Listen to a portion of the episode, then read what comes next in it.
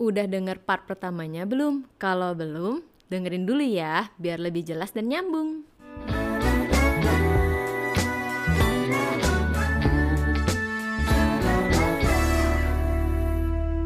Tadi kan kita bicara soal self love tentang apa ya bagaimana lo aware. Menurut gua kata kuncinya aware sih Se- sebelum ke mana-mana nih lo aware nggak nih sama diri lo sendiri batasan-batasan lu. Bagaimana lo juga kenal aware terhadap batasan-batasan orang lain. Aware kemudian you accept entah itu diri lo lo juga uh, accept juga keberadaan orang lain apa yang menjadi value orang lain boundaries orang lain dan you appreciate appreciate apa yang menjadi value-nya lu, lu juga appreciate apa yang menjadi value orang lain dan kemudian beradaptasi kan di antara uh, kedua perbedaan ini. Dan after that kita bicara soal kalau kurangnya self love itu bisa menciptakan uh, codependency di mana kita bisa secara ekstrim ketergantungan sama seseorang dan sama orang lain sehingga kita bisa berperilaku hal-hal yang ekstrim juga gitu loh. Nah, Yap. kalau kita ngomongin hal-hal yang ekstrim yang kita lakukan bisa jadi salah satu outputnya atau salah satu action yang dilakukan adalah self harm sebenarnya. Hmm. Nah ini yang gue coba pengen bahas sama lo Bek karena gak sedikit nih yang bahkan sampai ngegores tangannya dan difoto dikasih ke pacarnya cuma bilang bahwa kalau ninggalin gue gue akan bunuh diri. Ini gue udah beset-beset tangan gue atau ada yang eh, melakukan hal-hal lain yang sifatnya self harm gitu menyakiti diri sendiri Yap. entah itu minum pil banyak lah terus uh, Oh. difotoin kayak uh, udah kalau lo nggak sama gue lagi udah mendingan gue telan ini semua dan lain sebagainya Hmm. ada apa bilang ya ngancem Ya ngancem. Atau Hmm, sesimpel ya, ya. kayak gue nggak mau makan nih gitu. Nah. Kayak merusak diri Ya, sendiri ya. gitu loh. Gue nggak mau masuk Ya, kerja, nggak mau itu makan. ya, ya, ya. Hmm. so dari lu pandangan lo seperti apa Bet? Oke, um, kita tadi ya bicara soal self harm yang mana itu bisa menjadi salah satu ciri dari psikodependensi tadi, saking membutuhkan pembuktian bahwa aku tuh berharga gitu ya. You just want to know kalau aku kenapa-napa ya kata kunci adalah kalau aku kenapa-napa.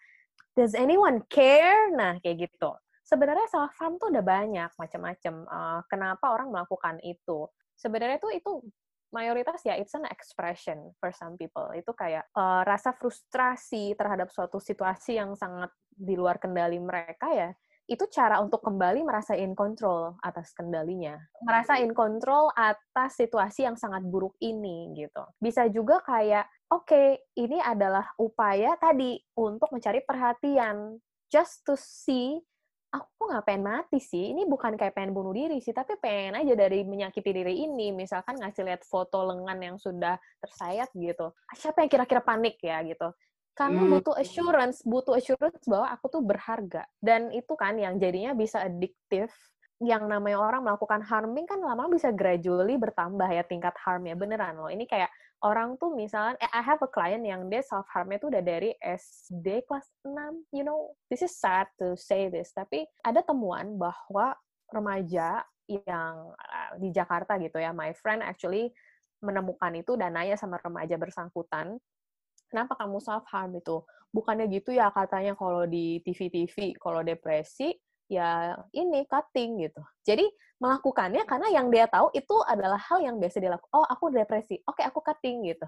Like a procedure, you know. Beda lagi sama yang benar-benar ngerasa jika aku self harm, the pain that I feel in my heart itu bisa terpindahkan sesuatu yang lebih kelihatan seperti tangan atau kaki atau you know your skin gitu rasanya bisa terdistraksi dari permasalahan sesungguhnya. Justru beberapa temuan dan jurnal bilang people do self-harm karena ingin merasa lebih tenang.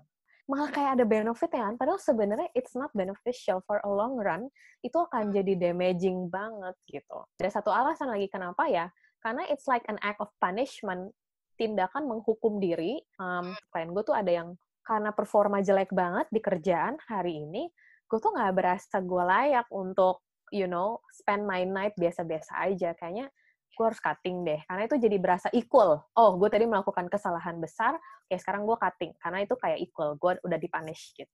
Kalau dalam konteks relationship itu bisa menjadi hal yang ngarahnya ke emotional blackmailing. Hmm. emotional blackmailing pasangan itu itu mirip sama guilt tripping. Kalau pernah dengar istilah guilt tripping tuh kayak membuat orang merasa bersalah guilty, tapi sengaja kita mau um, mungkin menyudutkan, bahkan itu sebuah tindakan manipulasi supaya kita dapat yang kita mau. Jadi seperti mengancam secara psikologis, kalau lu nggak ngelakuin ini, gue gini loh, gue sebar nih kalau gue hmm. tuh melakukan ini. Dan bentuknya blackmailing tuh yang lumayan marak yang gue juga temukan adalah nggak berani putus karena pacar nanti akan ember kalau kita udah pernah aborsi anak kayak gitu-gitu loh tindakannya tuh yang bisa ekstrim seperti itu jadi nggak cuma bentuknya self harm nah kalau kita cuma mau fokus sama kenapa sih melakukan self harm hanya untuk menjaga si pasangannya lagi-lagi itu adalah respon yang tidak tepat sebagai solusi. Jadi dia pikir itu adalah solusi untuk mengatasi masalah-masalah yang sebenarnya akarnya ya nggak cuma di masalah hubungannya dia, akarnya ya di self love ya di self esteemnya gitu. Akarnya adalah di insecurity. Cuman itu seperti di diproyeksikan ya, diproyeksikan ke pasangan kayak pasangan tuh harus bertanggung jawab atas insecurity ini di mana ya tes gitu. Apakah lu mencintai gua? Lu tega nggak ngeliat gue begini, you know, things like that. Sampai ya uh, eh, gue akan melakukan ini kalau lo ninggalin gue mungkin nggak cuma remaja, cuman what I know uh, yang biasa gue handle memang mayoritas adalah yang uh, yang usianya tuh dari SMA sampai masih kuliah itu mayoritas yang gue tahu melakukan itu tapi juga ada uh, klien yang umurnya juga bahkan sumuran gue gitu around 30 juga ternyata masih melakukan itu karena merasa udah familiar sama metode ini hmm. metode metode coping stressnya gitu Web, let's say si A itu hmm. adalah orang yang pasangan atau orang yang punya pasangan self harm. Si A nih, hmm. A yang baik-baik aja, si B pasangannya dia ngelakuin self harm. Oke. Okay? Hmm. Nah, si A ini ceritalah ke salah satu orang dan nah si A ini dapat masukan dari si orang tersebut, dari si temennya lah. Si temennya ini cerita, dia bilang kayak gini lah, yang mau bunuh diri kan pacar lo, yang mau bunuh diri kan dia. Kenapa jadi hidup dia di bawah tanggung jawab elu? Hmm. Apakah itu pandangan yang tepat atau gimana sih? Kalau kita adalah orang yang di blackmail. Apa yang harus dilakukan gitu ya? Oke, lagi-lagi nih, kita nggak bertanggung jawab atas hidup matinya orang lain. Hmm. Kita aja nggak bertanggung jawab atas perasaannya orang lain gitu. Your emotions, your responsibility. Your life, your responsibility. Titik kayak gitu. Jadi itu sebuah belief, sebuah keyakinan yang mestinya everyone in a relationship tuh harus pegang. Kalau sampai dia memutuskan buat bunuh diri gitu, it's not your fault. Hmm. Beneran. Selalu ingat bahwa oke, okay, hal pertama apa nih konkretnya yang bisa dilakukan kalau tahu pasangan itu melakukan self harm? Temenin dulu. Temenin hmm kalau bisa ketemu, temui dan temani dan tungguin gitu. Kalau bisa sih memang ngecek ya situasinya kan kadang ada yang lagi abis melakukannya terus jadi emosional sekali tapi yang pasti emosi itu yang kalau lagi ketegangannya tinggi, lagi emosional parah itu harus tenang dulu. Karena otak mungkin belum berjalan. Coba untuk tenangkan diri dulu. Bukan langsung ke mesti ngapain, tapi justru untuk cari tahu. Boleh tahu nggak apa yang dipikirkan, apa yang dirasakan. Jadi tahapnya tuh understanding sih memahami dulu, memahami apa yang mendorong kamu melakukan tindakan seperti ini ya. Kalau kayak gitu uh, better, misalnya pasangan kita yang kayak gitu tuh, better kita yang hmm. temenin dia atau kita suruh orang lain ya untuk temenin dia, karena kan takutnya dia tergantung banget nih nantinya sama kita. Hmm. Bentar-bentar kalau misalnya dia self harm, dia pasti akan merasa kayak hmm. oh ya udah kalau gue self harm, pacar gue tiba-tiba understand gue nih, pas tiba-tiba kita berantem hmm. selesai gitu.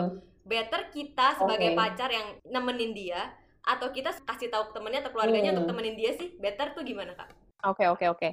Itu tidak bisa dibilang sebuah pakem ya. Kalau kamu adalah pacar dari orang yang melakukan self harm dan kamu yang baru kamu nih yang tahu ya kamulah yang melakukan sesuatu karena kan itu emergency tetap maksudnya lakukan sebuah penjangkauan pertama dulu lah gitu nah kalau kondisinya adalah lagi di luar kota nah itu baru kan kayak memastikan ada yang menemani sebenarnya gitu um, optional ya situasi seperti itu. Tapi kalau kalau arahnya adalah tapi nanti jadi dependency, itu langkah berikutnya sih. Ibaratnya kita mau first aid-nya dulu, first aid-nya adalah temenin dulu, pahami dulu. Tapi di dalam cerita yang kemudian yang gue denger itu adalah jadinya dianggap sebagai cara terbaik untuk mendatangkan pasangan dengan cepat dan kilat segera. Saat itu juga ya kan kayak kemudian itu baru yang harus dihadapi tapi bukan dengan avoiding Kalau tadi kan jadi kayak, ya udah deh, supaya nggak mengajari dia bahwa ketika dia melakukan itu, terus gue selalu ada, ya udah deh, gue nggak mau ada gitu. Itu kita malah jadi kayak gambling kan jatuhnya. Mending langsung dia ajak untuk kita akan bicara uh, kenapa kamu melakukan self harm, misalnya kayak gitu. Jangan berpikir bahwa pada saat itu kita juga udah bertanggung jawab untuk pokoknya harus nemenin dia. Kadang ada orang yang kayak gitu, udah deh, aku sekarang nemenin dulu deh, soalnya takut kenapa-napa. Nanti kalau udah agak kelamaan baru aku tinggalin. Misalnya kayak gitu, kayak bikin strateginya. Jadinya tuh kayak satu gambling, yang kedua nggak ada timing yang pasti gitu orang untuk melakukan self harm. Itu kan benar-benar bisa serandom itu you cannot prepare for polanya bisa dibaca nih setiap Jumat malam. You cannot do that gitu. Jadi mendingan langsung aja duduk dan ajak serius gitu kayak ini kenapa terjadi seperti ini, ini against my value. Eh, gue nggak mau, aku nggak mau kamu melakukan ini gitu. Kalau perlu ya mengajak pasangannya untuk konseling individual dulu atau konseling couple. Tapi biasanya sih memang yang diprioritaskan adalah konseling individual dulu. Waktu itu ya gue pernah menghadapi klien yang klien ini ngontak karena pasangannya yang cewek yang melakukan self harm. Jadi dia yang cari uh, psikolog, biarpun pasangannya belum mau ke psikolog. Itu hmm. pernah. Tapi lagi-lagi what I said adalah ya kalau pasangan kamu belum mau ke psikolog, kamunya yang mau agak susah nih. Tapi kalau kamunya aja yang konseling ya udah mungkin bisa. Akhirnya dia konseling untuk tahu caranya membantu mendampingi. Tapi harus nggak? Nggak harus. Itu kembali pada kesediaan. Bukan harus pacarnya yang melakukan itu, tapi pacar yang baik setidaknya akan memastikan pun bukan gue yang ngelakuin, uh, you know, I can find someone to help my partner. Yeah. Jadi untuk yang si self harm ini sebenarnya sangat mungkin untuk sembuh ya, Kak Becky. Atau itu sebuah candu sih yang uh, one day ketika ada trigger itu akan muncul, muncul lagi. lagi. Kalau adiksi tadi bisa ya, karena threshold seseorang menyakiti diri itu bisa ditambah. Kayak hmm. katak di dalam air yang dipanasin. Mungkin dia toleran tuh terhadap si rasa panasnya.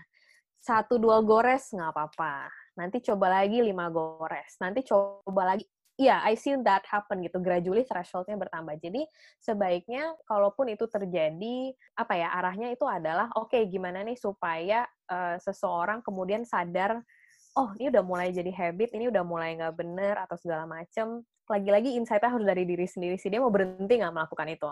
Dia sadar nggak dampaknya apa? Nggak cuman ke fisik, tapi secara ke dependency addiction-nya gitu ya pasti ada hal-hal lain yang juga datang nggak cuman sesuatu yang bisa dilihat secara fisik gitu. Kalau sembuh atau tidaknya itu akan kembali pada satu social support juga.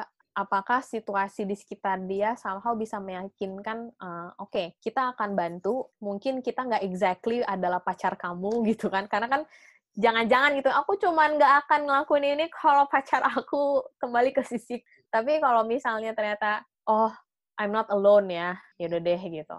Ada perasaan ditemenin oleh orang-orang yang berharga buat dia, bisa kok, bisa kok keluar dari situ. Cuma hmm. itu harus ada proses mengelola diri lagi lebih lanjut. Jadi entah dia mau konseling atau terapi, entah trauma, entah semacam healing journey gitu dengan berbagai metode di luar sana, atau dia melakukan closure dengan pasangannya yang membuat yang mendorong dia untuk melakukan itu misalkan tetap akan putus ya udah tapi biar setelah putus itu nggak menjadi hal yang dia bawa di hubungan berikutnya gimana ya apa solusi lain selain self harm ingat hmm. itu satu solusi dulu it works belum tentu it's gonna work again gitu terus yang kedua ada cara lain yang lebih sehat dibanding menyakiti diri lo sendiri. Stress coping tuh caranya banyak. Ya. Udah dicoba semua apa belum? Sama ya. biasanya ya tadi menumbuhkan self love.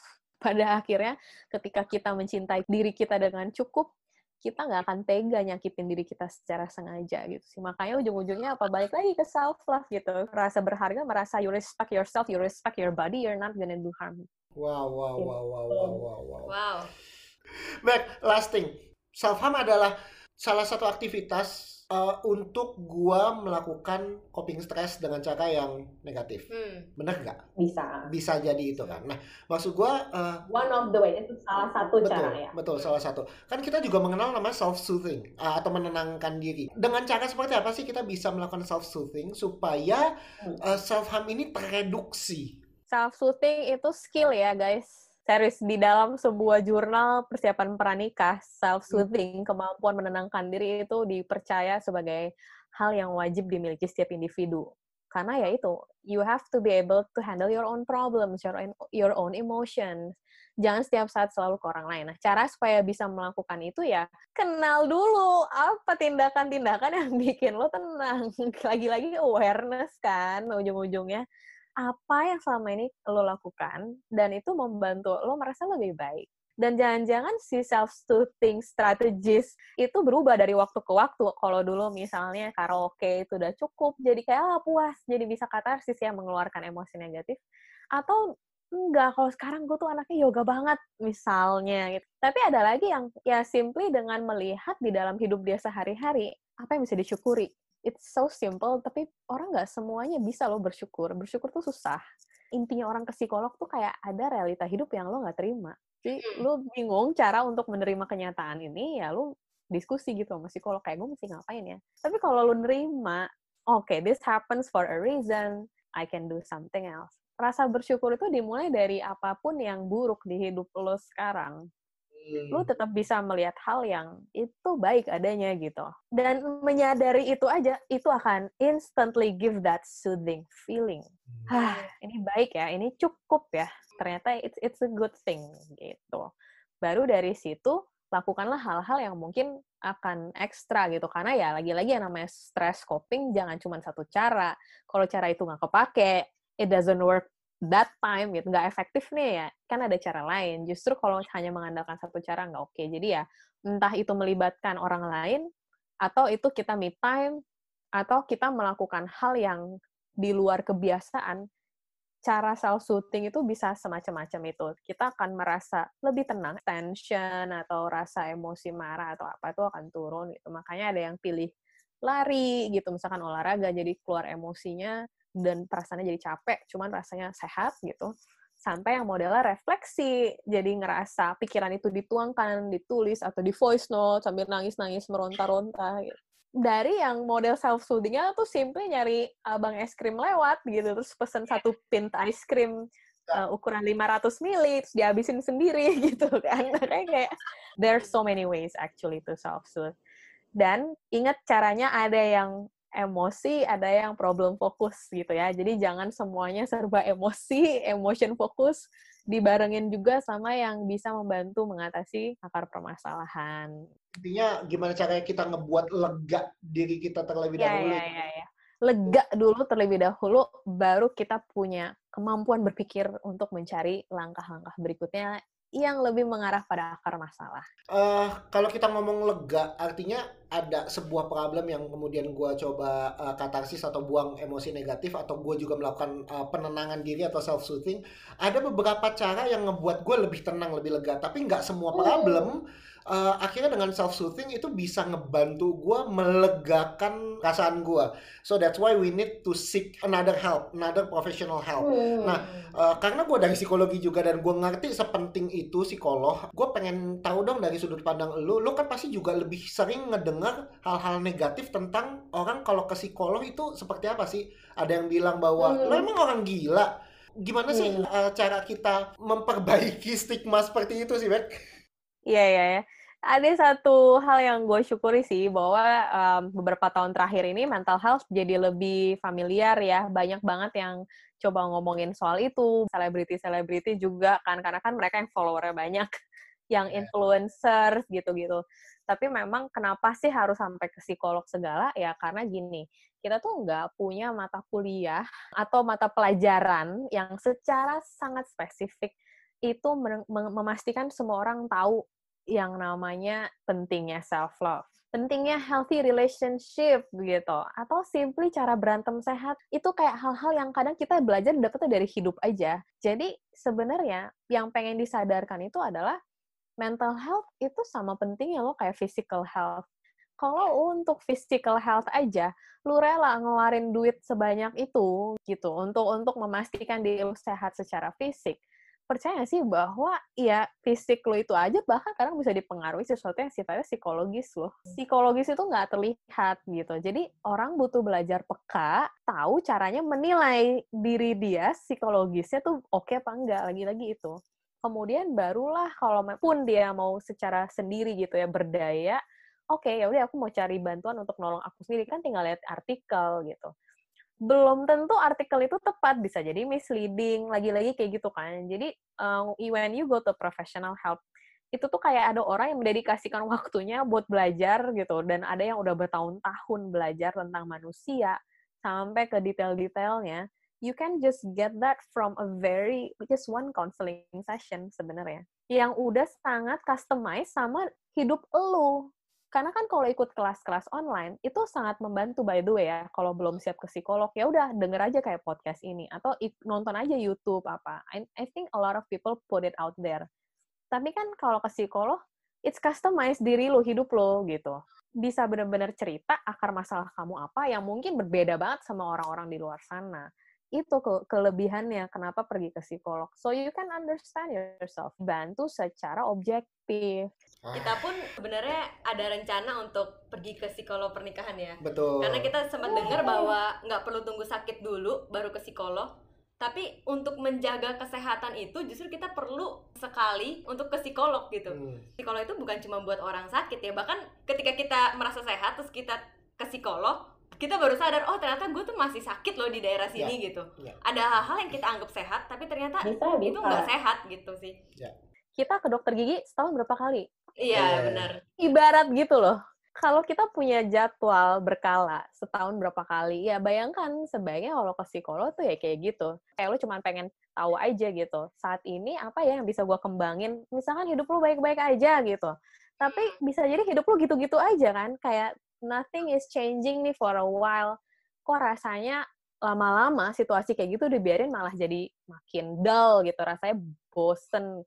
Yaudah deh, I want to do something. Nah, eh, ngobrol sama psikolog tuh juga bisa ngasih insight itu, bisa ngasih, oh iya ya, ada area of improvement di hidup gue yang ternyata masih bisa gue otak-atik nih, tapi baru sadar setelah ngobrol sama psikolog. Jadi nggak perlu nunggu bener banget ya, nggak perlu nunggu sakit dulu, nggak perlu nunggu parah, please guys, jangan tunggu iya. parah dulu, gitu karena makin makin parah masalahnya, makin mahal nanti sesinya.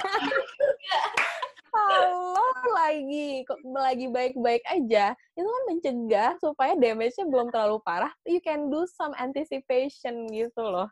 Kalau udah parah kan butuh sesinya panjang mending lu tabung buat pergi liburan ya nggak gitu ya have to be realistic juga gitu ya jangan-jangan terapi lu simply lu cuti terus lu lakuin hal yang menyenangkan self soothing lu puas banget gitu pergi ke Bali nggak akan bikin lo langsung sehat kalau udah parah gitu Becky thank yeah. you very much dan buat yeah. semua buat gue one of the best session yang yeah. uh, hopefully teman-teman wow.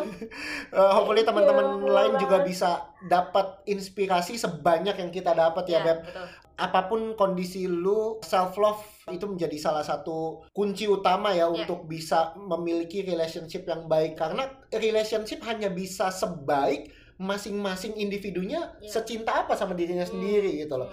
Ketika memang uh, ada di dalam kondisi tidak menyenangkan atau ada turbulensi di dalam hubungan, ya cari bantuan. Makanya tadi jangan bucin-bucin amat jangan kalau udah uh, pacaran kalau udah menikah misalnya even menikah sekalipun jangan jadikan pasangan itu the whole universe yeah. tapi ada orang lain yang kemungkinan besar bisa jadi significant others juga Betul. yang bisa ngebantu kita melewati masa-masa sulit dalam hidup kita atau masa-masa sulit dalam relationship dan juga kalau memang nggak bisa uh, lewat teman-teman yang sifatnya subjektif banget dan lu butuh bantuan uh, professional help seek help ya. Hmm. ada begitu banyak psikolog-psikolog yeah. di luar sana. Salah satunya adalah ibu Rebecca Pinaima ini. Nanti kita akan kasih IG-nya ya di uh, podcast kita.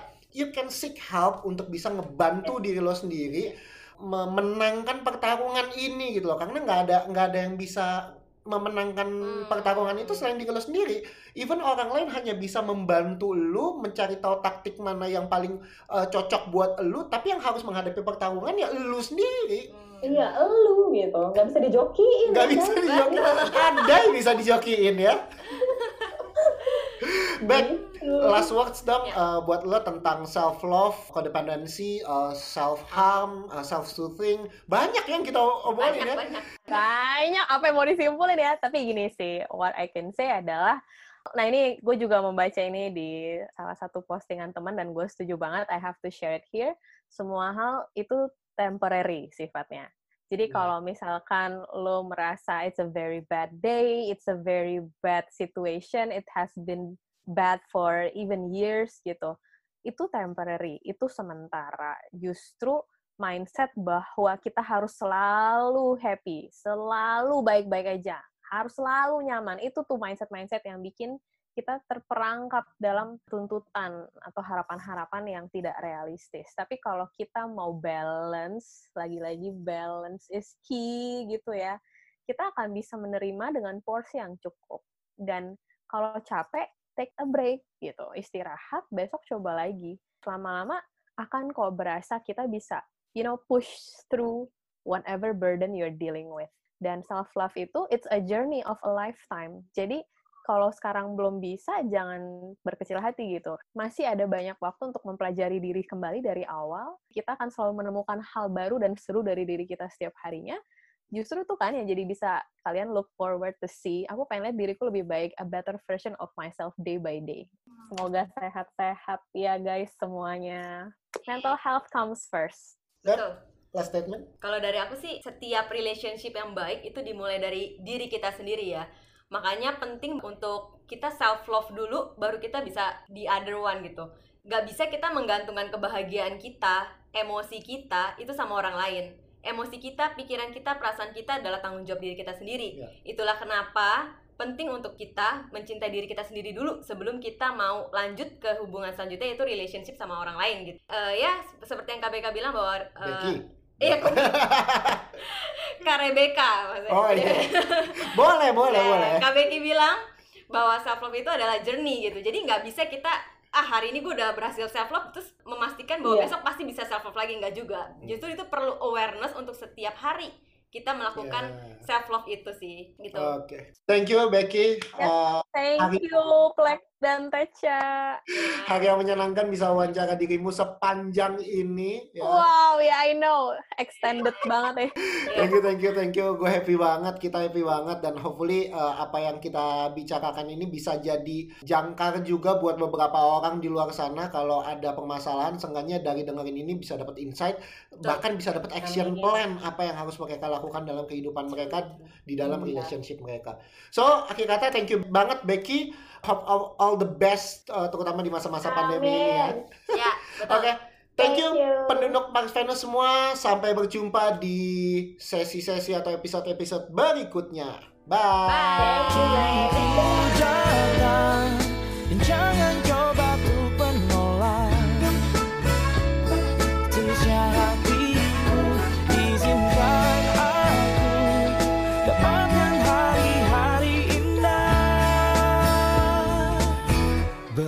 side